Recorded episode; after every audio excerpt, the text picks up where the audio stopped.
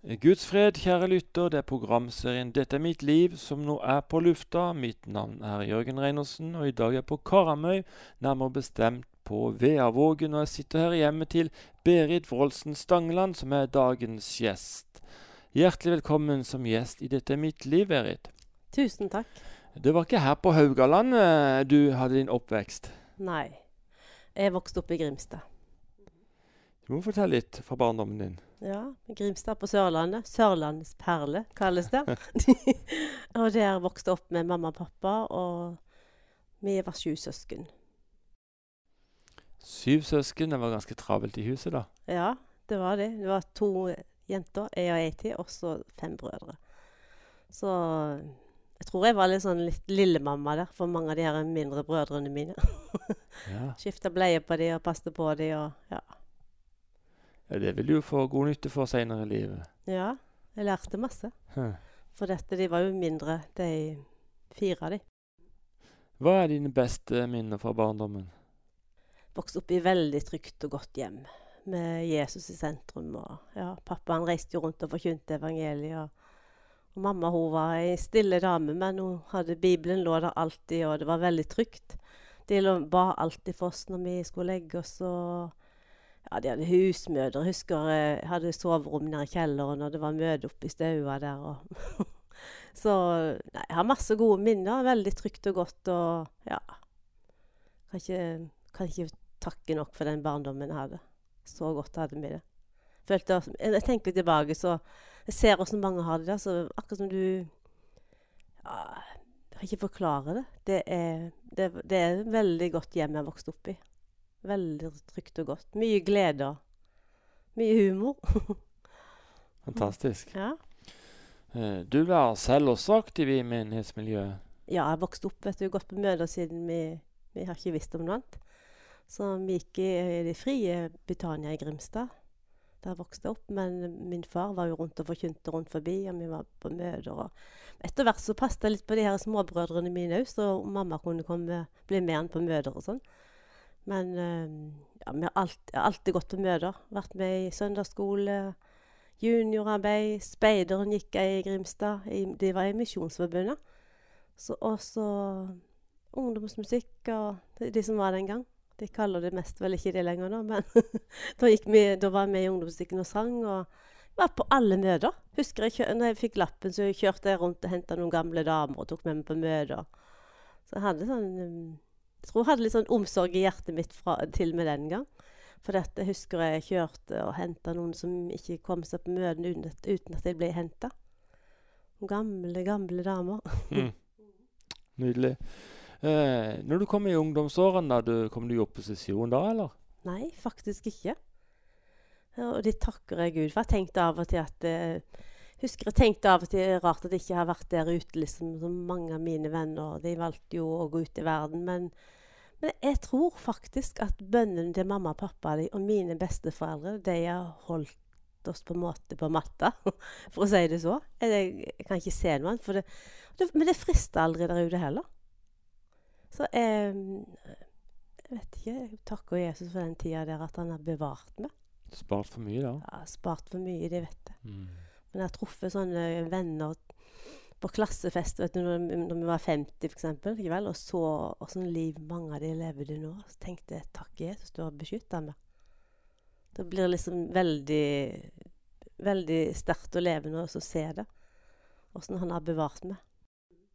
Sommerleirer på Solstrand, det var verdifullt for deg? Ja, det var vi. Vi var hver sommer på barneleir, juniorleir, ungdomsleir. Så lenge vi hadde alderen der, så var vi på leirer. Du har jo gått på, som du sier, da, på møter eh, så lenge du kan huske. Men eh, har du en konkret frelsesopplevelse? Egentlig ikke. Men jeg husker at når det var framme til forbønn, så gikk jeg alltid fram. jeg husker jeg syntes det var godt å bli bedt for. På leirer og sånn òg. Vi gikk fram og bak i der, husker jeg, og bøyde knær på sånne, sånne plastikkmatter de hadde, og sånne harde benker, og der lå vi. jo mange ganger så husker jeg at jeg ble berørt av Gud. da. Mm, husker mange ganger at jeg kjente, kjente det Guds nerver veldig. Mm. Hva gjorde du etter grunnskolen? Du, da, da reiste jeg ett år på folkehøyskole i Solborg i Stavanger. Var der. Og det var et år som eh, ja, Jeg glemmer jo ikke det, men jeg husker jeg lengta en del hjem. Jeg var sånn hjemme, hjemmemenneske. Husker mamma sa at når jeg kom hjem til jul, at du må reise tilbake. Tårene mine rant. vel, I denne tida der så var det Tårene mine var veldig løse, på en måte, men jeg hadde masse gode venner som hadde det fint òg. Så reiste jeg masse her til Karmøy, for søsteren min bodde her da, tror jeg. Ja, hun gjorde det. Så jeg reiste hertil, og så hadde jeg masse venner her på Karmøy, faktisk. Fantastisk.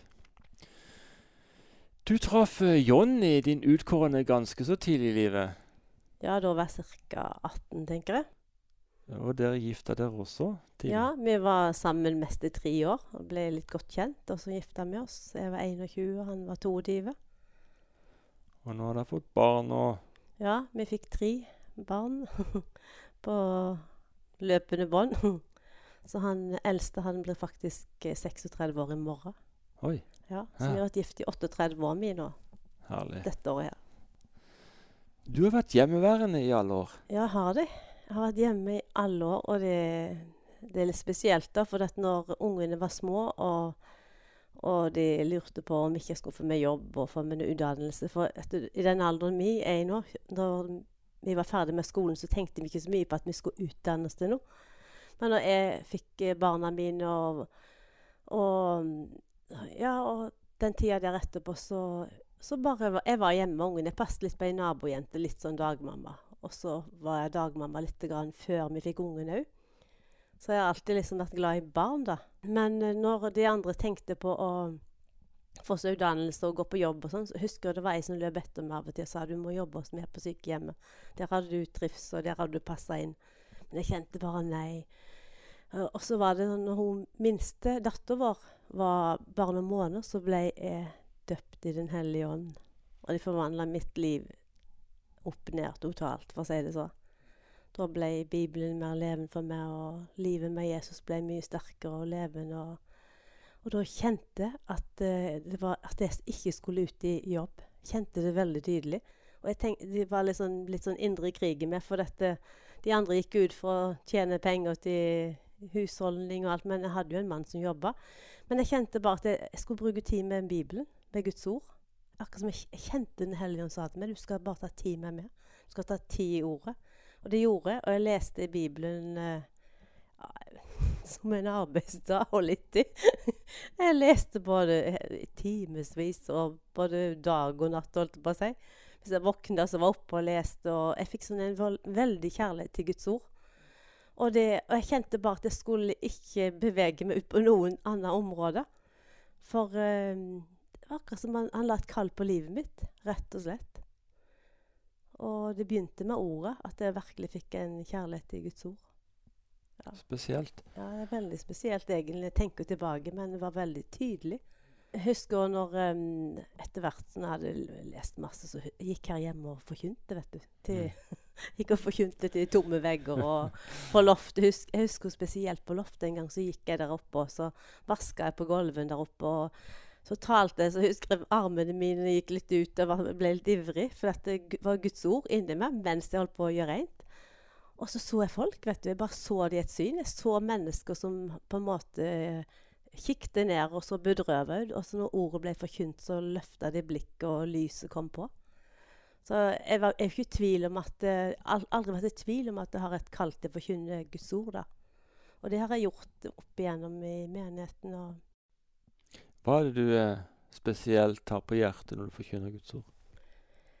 Um, det er jo først og fremst at mennesker skal bli frelst. Selvfølgelig. Det er det viktigste i livet, å ta imot Jesus og ha han som herre i livet. Men jeg har jo en veldig brann for uh, mange kristne som på en måte ikke har fått sitt gjennombrudd. Som ikke har uh, opplevd at uh, dette livet er virkelig og levende. For det står jo det at, at dette er det evige livet. Det er å kjenne Han, den eneste levende, sanne Gud. Å kjenne vet du, i Bibelen, i Guds ord, det, det er veldig intimt. Det er det mest intime du kan ha mellom mann og kvinne. Det, det å kjenne, betyr å kjenne i Guds ord. Og hvis du da får tak i dette her, så tak i dette livet. Et, jeg trengte et gjennombrudd sjøl. Derfor så brenner jeg veldig for at alle mennesker rundt, alle kristne, skal få det gjennombruddet. Ja, oppleve Jesus som Herre. At det er livet. Det er, det er virkelig livet, det å leve med Han. Du er en del også på Storstua omsorg- og konferansesenter i, i Røyken. Ja, jeg har vært der noen ganger nå. De siste åra, faktisk. Det er jo et spesielt sted. Ja, veldig. Det er så godt å komme dit. Veldig frihet og veldig eh, fantastiske mennesker der. Og jeg ble jo kjent med Geir før han, før han døde, og Heidi og de. Og flotte mennesker som, som bare oser av Guds kjærlighet til de som er der. Ja, det er jo et hotellanlegg, dette her, så der kan man jo også overnatte når man er på ferie eller har noen andre ærender i Oslo. Ja, det kan vi. Jeg og mannen min reiste faktisk der i, for to år siden, da. Og var der som gjester, da. Mens Håkon Fagervik var der, og ei anna forkynner. Og bare reiste der til og var der. Fantastisk å bare komme dit. Det å være hjemme med barn er jo ikke så vanlig i dagens samfunn. Eh, hva mener du er fordelen med å være hjemme med barna i forhold til å bare gi det til barnepassere? Jeg tror det er veldig trygghet for ungene. Også at mammen at en er hjemme. At mammen er hjemme. De tror jeg. Men i dag så er det jo tidene helt annerledes, og det kreves mye mer, vet du. Bare for å få, inn til, in, til, ja, til inntektene i hjemmet og husholdningen Vel? Alt er så mye dyrere. Men vi levde på én lønning, i min. Vi gjorde det. Og jeg kunne ikke gå rundt og handle og, på den måten som mange kan i dag. Men, men, jeg hadde fått tak i det mest dyrebare. Det er ikke tvil om. Det var den tida med Jesus. Husker du, jeg hadde besøk av ei dame som sa hun til meg jeg, Det er noe som har satt seg litt fast i meg. For hun sa at hun gikk rundt og besøkte mange som hadde to inntekter, og de hadde flust til alle mulige ting. Men, men, de hadde aldri nok. Men jeg kommer til det, sa hun, så du klager aldri at ikke dere har nok, og dere lever på ei lønning. Men jeg var så tilfreds, vet du ikke vel. For jeg hadde fått tak i den perla på en måte, som er Jesus ikke vel. Så det, det tilfredsstiller det til ah, ånd, sjel og kropp, vil jeg si. Det tilfredsstiller mer enn det verden har å gi. Mer enn du kan kjøpe for penger, så tilfredsstiller Jesus. Så bra. Du hører på programserien 'Dette er mitt liv'. Mitt navn er Jørgen Reinersen. I dag sitter jeg i hjemmet til Berit Forholdsen Stangeland. Og det bor jo nydelig til her, Berit. He? Med utsikt rett ut i havgapet. og Trives ja, du? Ja, veldig. Her har vi bodd faktisk i 34 år, og vi ser uh, rett ut til Utsira, sjøen. Salvøy rett ut ved Værvågen, og sjøen rett ned her. Ett minutt. Ikke det engang. Og her blåser det aldri? Nei. her blåser Jo, her blåser det så mye av og til at uh, du kan mest ikke få bildøra der du står akkurat nå. Men vi har et fjell bak huset. Så den, den er den største leveggen, tror jeg, på Vea. Der der havna jeg som sørlending. og den der leveggen der takker jeg Gud for, for det, den gjør det at vi kan sitte ute i sola. Selv om det blåser veldig. Um, Berit, um, du har jo vært hjemme med barna dine i alle år. Men dere har også vært eh, fosterforeldre? Ja, det har vi vært i over 20 år nå. Uh, det var noe som ikke jeg hadde tenkt på i det hele tatt, for å si det så. Hørt lite om det. Men så var, det, var vi på besøk i Grimstad hos uh, en bror av meg, og de hadde ei jente der som var i fosterhjem der. Hun, uh, hun satte seg veldig inntil meg og ville bli med meg hjem. så sier broren min 'Dette må du bli', sa han. Da sådde han noe i meg, for de, de hørte det, men det gikk jo ikke helt inn da. Men jeg tror akkurat som det Det slapp ikke tak når han sa det til meg. 'Dette må du bli.' Og så, så var det ikke så lenge etterpå så to, gikk vi et fosterhjemskurs, jeg mannen min, da. Og da kom inn en liten skjønn gutt da, som var, som var seks og ble 20 år. Og han Ja, som vi har vært fosterforeldre i over 20 år. Det er veldig berikende. Krevende. Ja, det er det. Men uh, samtidig så er det veldig velsignelse. Men av og til må jeg ærlig si, av og til så var det jo tøft òg, og, og, kjente på å, hva holder jeg på med, liksom. Og, men så kom det til meg igjen og igjen at det du har gjort imot en av mine minste, det gjør det imot meg. Og hvert menneske er jo så verdifullt. Hva vil du si til de som kanskje vurdere å bli fosterforeldre? Jo, de vil oppfordre spesielt kristne til å være, for mange av de ungene kommer inn er veldig utrygge. Hvis de kan komme inn i et trygt hjem og høre om Jesus og Men selvfølgelig alle, alle men at eh, jeg tror eh, for de som opplever å komme inn i kristne hjem, de, det tror jeg er veldig verdifullt. Og de har jo merka på de to guttene vi har hatt. da. Uh, husker jeg var med han på skolen, han, han største som jeg hadde. Og sånn avskjed på skolen der han bodde. Og da til hun lærerinna så tårene rant når han kom, for han holdt meg i handa og sa han, 'Dette er mammen min', sa han. Og han var så kry, liksom, for han hadde fått ny mamma. og så sa hun det at han sa at han ville til Jesus. Han hadde hørt om Jesus på skolen, da. Så hadde han sagt at han ville ikke hjem, men han ville, han ville til Jesus. Og så når han kom der, så var det det han hadde, kom, hadde fått kommet til Jesus. det var helt spesielt, da. Eh, du mista din mor ganske så tidlig. Ja, jeg var bare 24 år.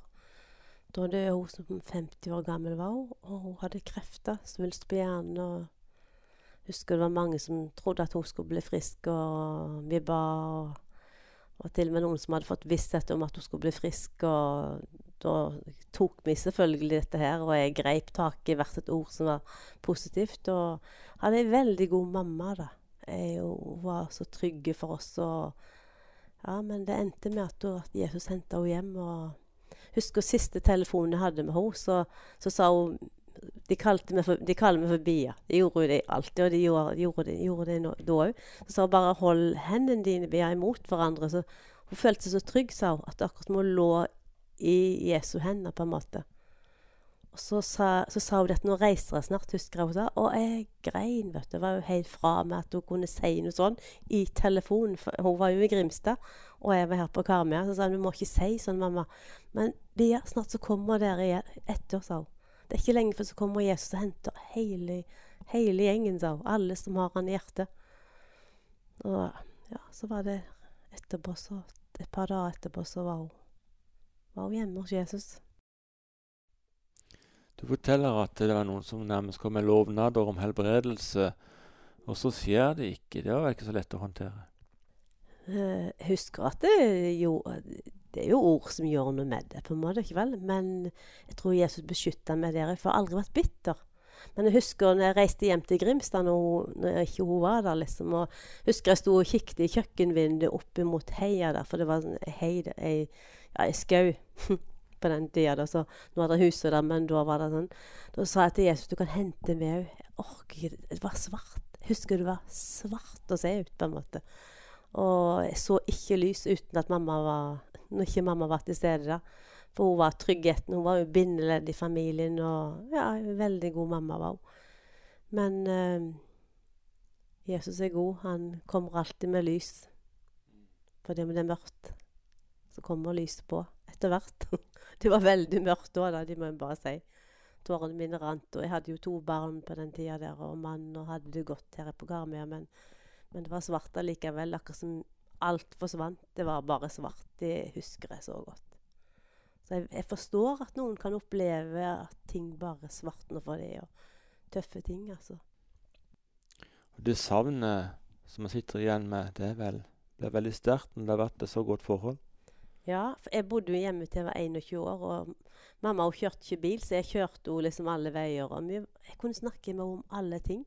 Så savnet var jo veldig Jeg husker når jeg flytta til Karmøy, så hadde vi ikke telefoner som nå. Så jeg, jeg løp ned på sånn en telefonkiosk rett ned forbi der vi bodde. Og alltid når jeg skulle si ha det, så grein jeg som en unge. For var så, jeg, var, jeg, var, veldig følelseslada på den tida. Og jeg, tårene kan, renne nå, men da var det helt ille, liksom. Så jeg husker jeg måtte kikke at ingen gikk forbi på veien. At jeg kunne bare springe fort hjem så ingen så tårene mine. For jeg syntes det var så trist å se, og, bare høre stemmen på de. Ja. Selv om vi hadde det godt. Jeg hadde jo gifta meg og var glad i mannen min. Jeg hadde en mann som elska meg, og, vi, og jeg har, har hatt det veldig godt alltid, da. Har du hatt andre tøffe episoder i livet du kan nevne? Når jeg tenker på livet mitt, så, så tenker at Jesus har beskytta meg gjennom så mye. At uh, var, når vi hadde fått vår første sønn, så skulle jeg kjøre til Grimstad. Da, da krasja vi med fem biler og en svær De største trailerne på veien. Da var bilen helt vrak, og an å kjøre videre og, og ikke skramme på oss. Så da tenker jeg Da, da bare vet at Jesus beskytter oss. Husker da jeg smalt i en fjellvegg til slutt etter fem biler og trailer, så ropte jeg på Jesus så det gjalla.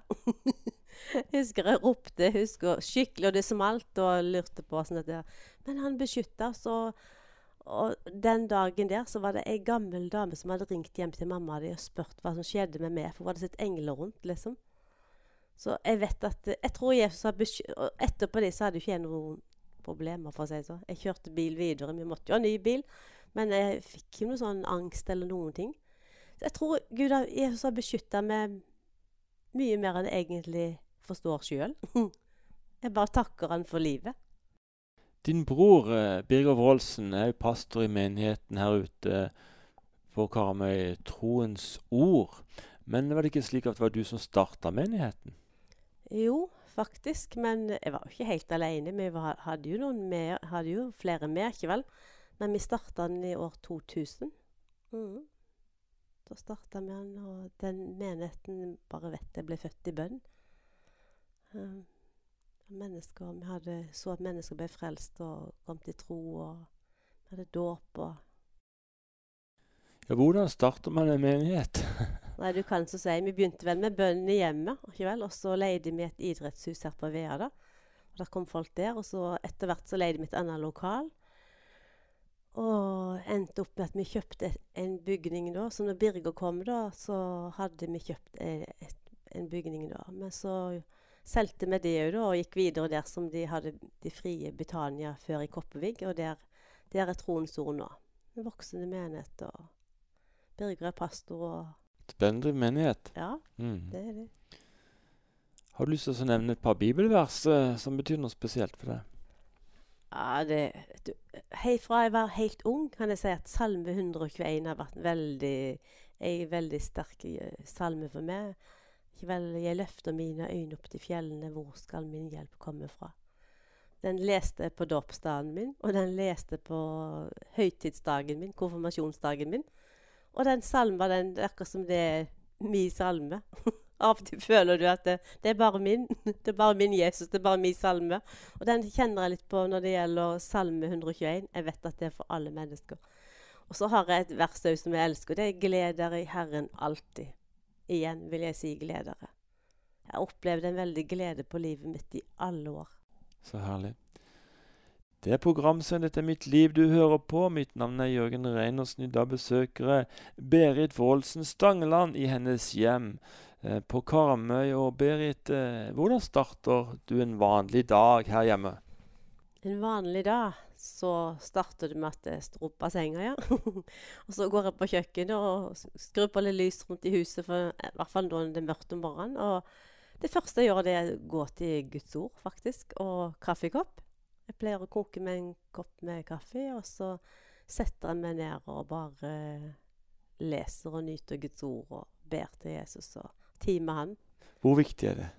det er alfa og omega for meg. Det er det, det viktigste jeg gjør på dagen, for å si det sånn. Det, det står om lønnkammeret, vet du vel?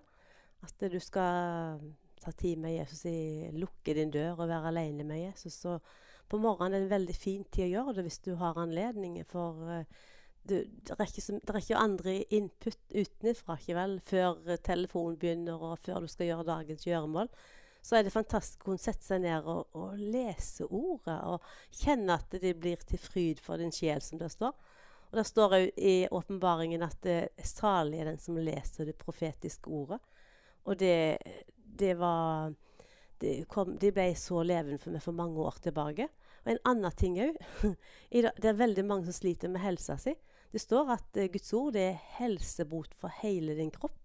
Og dette her er jo mange år tilbake, når de ble levende for meg. Så sa jeg til Jesus så, så sa jeg, jeg vil lese ditt ord. Det, det er medisin for kroppen min. Det står rett ut. Og jeg, jeg er akkurat som en unge. Jeg tar ordet sånn som det står. Det står jo i Salme 119 at 'åpne mine øyne, så jeg kan se det underfulle i din lov'. Det står i Salme 119 vers 18 der. Og tenk underfulle, ikke vel? Som underfulle ting. Og å lese Guds ord, det løfter opp. Det drar aldri ned. Men jeg husker jo tilbake når jeg begynte å lese det, og så jeg det stemmer ikke med mitt liv. Det stemmer ikke med mitt liv. Og jeg leste bare kjente akkurat som det ene ble Det akkurat som du skreller en løk. Jeg var villig til å la meg skrelle ikke vel?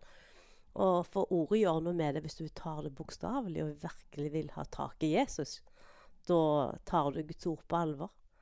Og hvis du sitter der ute og ikke tar tid med ordet Hvis du kjenner på motløshet, f.eks.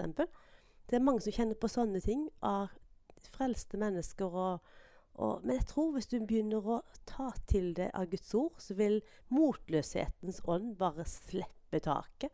Og du vil, du vil virkelig få tro for det som står i Bibelen. Vi må jo lese for å tro. Hvis jeg skal få troen på det som står i Guds ord, så må jeg jo lese det. Og ta, til, ta det til meg. Jeg elsker Bibelen, for å si det sånn. Mer og mer. så bra, Berit. Um, du hadde din tjeneste hjemme. Det har du hatt alltid. Du har ikke vært ute i arbeid og sånt. Og du har også vært uh, fostermor for et par andre. Uh, men du har også blitt kontakta per telefon. Folk som ønsker du skal be for dem. Ja, det hender. Det har hendt i alle år, og det hender enda. Og det er veldig, veldig godt å gå ut og be for mennesker og se at han virker med. Ikke vel? Det står at han virker med. Han, for uten Jesus kan jo ikke jeg gjøre noen ting, og det kan ingen mennesker gjøre uten at vi blir i han og i hans ord. Da står det at vi kan be om hva vi vil, og vi skal få det. Og og ha, ha medlidenhet med folk som har det vondt. Noen er syke, noen har det vondt på forskjellige områder. og Ting som kanskje skal bli løst opp. Og, og Jesus, han, han, går med. Og så stadfester han ordet sitt. Det er fantastisk. Kan du ta noen konkrete eksempler på hva som har skjedd? Ja, jeg har jo Jeg har opplevd det mange ganger, for å si det så. Uh, jeg kan ta én ting som er litt spesielt. Det er mange mange år tilbake, da, men jeg kan ta den, for det, det var veldig spesielt. Det var midt på natta. Så ringte telefonen om jeg kunne komme hjem et hjem en plass her på øya. For uh, den mammen i huset, dama i huset, hun fikk de ikke kontakt med. Og Da kjørte jeg ut, og jeg husker klokka var halv tre, og jeg var trøtt. Men jeg kjørte, og så var det ned i en sving her nede. Da jeg kom litt opp, opp her der vi bor, og litt lenger ned, så så bare kjente jeg lever ikke lenger sjøl, men det livet jeg nå lever, det lever jeg troen på det Jesus. Og jeg går på ditt ord til dette hjemmet her. Så kom jeg til det hjemmet der. Og den dama hun var jo ikke til å få kontakt med, men så bare begynte jeg å be og proklamere navnet Jesus over hennes liv. Og, og der kvikna hun til ganske fort og reiste seg opp, liksom. og ja, jeg så at uh, Gud reiste den dama der opp. Og, og, så var det mannen i huset. Han ble litt irritert, for han hørte det ble litt sånn høyrøsta. Av og til, hvis det blir litt ivrig, så kan det bli litt høyrøsta. Og, og, så ble han litt irritert. Men så kom han faktisk med, med en pose til meg i handa. Og jeg forsto ikke helt med en gang hva det var, men det var faktisk narkotika. Det var stoff. Og han sjøl var berusa den kvelden der. Den natta der var han berusa sjøl. Og så ba, satte han seg ned i en stol, og så ba jeg for han, og han ble momentant edru. Og ga meg dette her. Og jeg husker jeg kjørte og kasta dette her stoffet ned i sjøen før jeg kjørte hjem den da etter ei stund på natta der.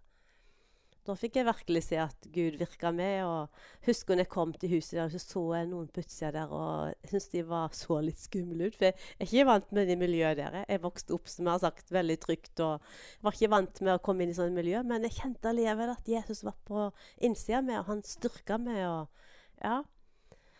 Så jeg har opplevd ganske mange, faktisk. mange som har opplevd å bli løst fra ting som har vært altfor vanskelig for dem. Og når de kommer og bekjenner og får tale ut i lyset, så kommer Jesus med sin legedom og renser dem og setter dem fri. og Noen ganger så er det veldig enkelt, og noen ganger så sitter du kanskje litt uh, dypere. Og, men Jesus setter alltid fri. Og det står òg i Bibelen at den Jesus setter fri, den blir virkelig fri. Og det er fantastisk å se at mennesker kan bli satt fri fra alle slags ting. Bare de er villige til å gi det til Han. Det var jo derfor han gikk på korset. For at vi skulle få legedom, for at vi skulle få frihet. For at vi skulle få leve nær hans hjerte. Og ta imot det som strømmer ifra han. Og det er godt å, Så står det at for ingenting har jeg fått det, og for ingenting skal jeg gi det videre. Jeg var ei dame en gang som ville betale meg. for hun hadde opplevd å bli så Hun opplevde at hun ble fri fra ting som var altfor vanskelig for henne. Så hun lurte på hvor mye jeg skulle betale henne. Så sa jeg dette, vet du hva. For ingenting har fått det, og for ingenting skal jeg gi det videre. Men jeg òg opplevd det en gang for noen år tilbake, og det er veldig sterkt når det ligger folk en, en døende mann og skal dø, og aldri vært frelst i livet sitt. Så var det, kjente en da som kjente den mannen der, spurte om jeg kunne gå og besøke den mannen i hjemmet. Og det gjorde jeg, og han tok imot Jesus. Og, og døde noen dager etterpå. Men tenk å leve et liv uten Jesus. Så tok han imot Jesus der og da. Og han holdt meg i handa og klemte meg i handa mange ganger. Og jeg, jeg, blir helt rørt bare av å tenke på det. For jeg bare så at den mannen der, han fikk tak i Jesus. Og de rundt, familien rundt satt jo og tørka på tårer. Og ja, Jesus er god. han frelser, og han løser og setter fri. Og jeg elsker Jesus. Herlig. Nå har du sagt veldig mye godt allerede, Berit. Men uh, du er jo, som du sa også, du er forkynner, og nå har du noen minutter til å dele hva du måtte ønske til lytterne.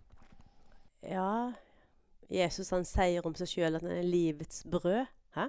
Når du, tenker på, når du tenker på mat om morgenen Mange de må ha brød, brødskiva si til frokost. Vel? Men Jesus sier om seg sjøl at han er livets brød. Han er livets vann. Vi trenger både brød og vann, men vi trenger det for vår, vår ånd. Vi trenger det for vårt indre menneske. Og det står at uh, Jesus kommer for å gi liv og overflod av liv. Fienden, djevelen, han kom for å myrde og stjele og ødelegge. Men Jesus han kom for å gi liv og overflod.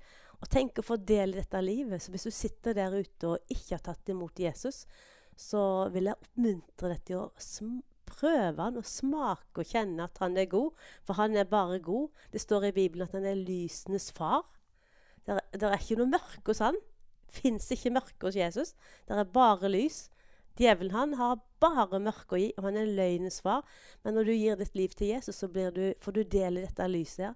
Så får du del i dette livet som, som er Jesus sjøl. Han gir det sin hellige ånd. Og det er panten for å komme hjem. Så mitt, når vi blir født på ny, når vi tar imot Jesus og blir født på ny, så får du Guds ånd i ditt indre. Og det er panten for å komme hjem til Jesus. Og han kommer snart igjen. Jesus kommer snart, og vi trenger å virkelig være rede den dagen Jesus kommer tilbake. Og du som hører på, hvis ikke du har tatt imot Jesus, så gjør deg rede til å møte din brudgom. Han vil være brudgom for alle mennesker på jord. Han, han, ser ikke, han, ser ikke, på noen som noe bedre enn andre. Vi står på lik linje alle sammen. Og det er fantastisk. Han elsker alle. Hans kjærlighet er så grensesprengende og grenseløst her at uh, det er ikke et menneske som, som, trenger å gå fortapt. Men han vil at alle skal ha et evig liv sammen med han.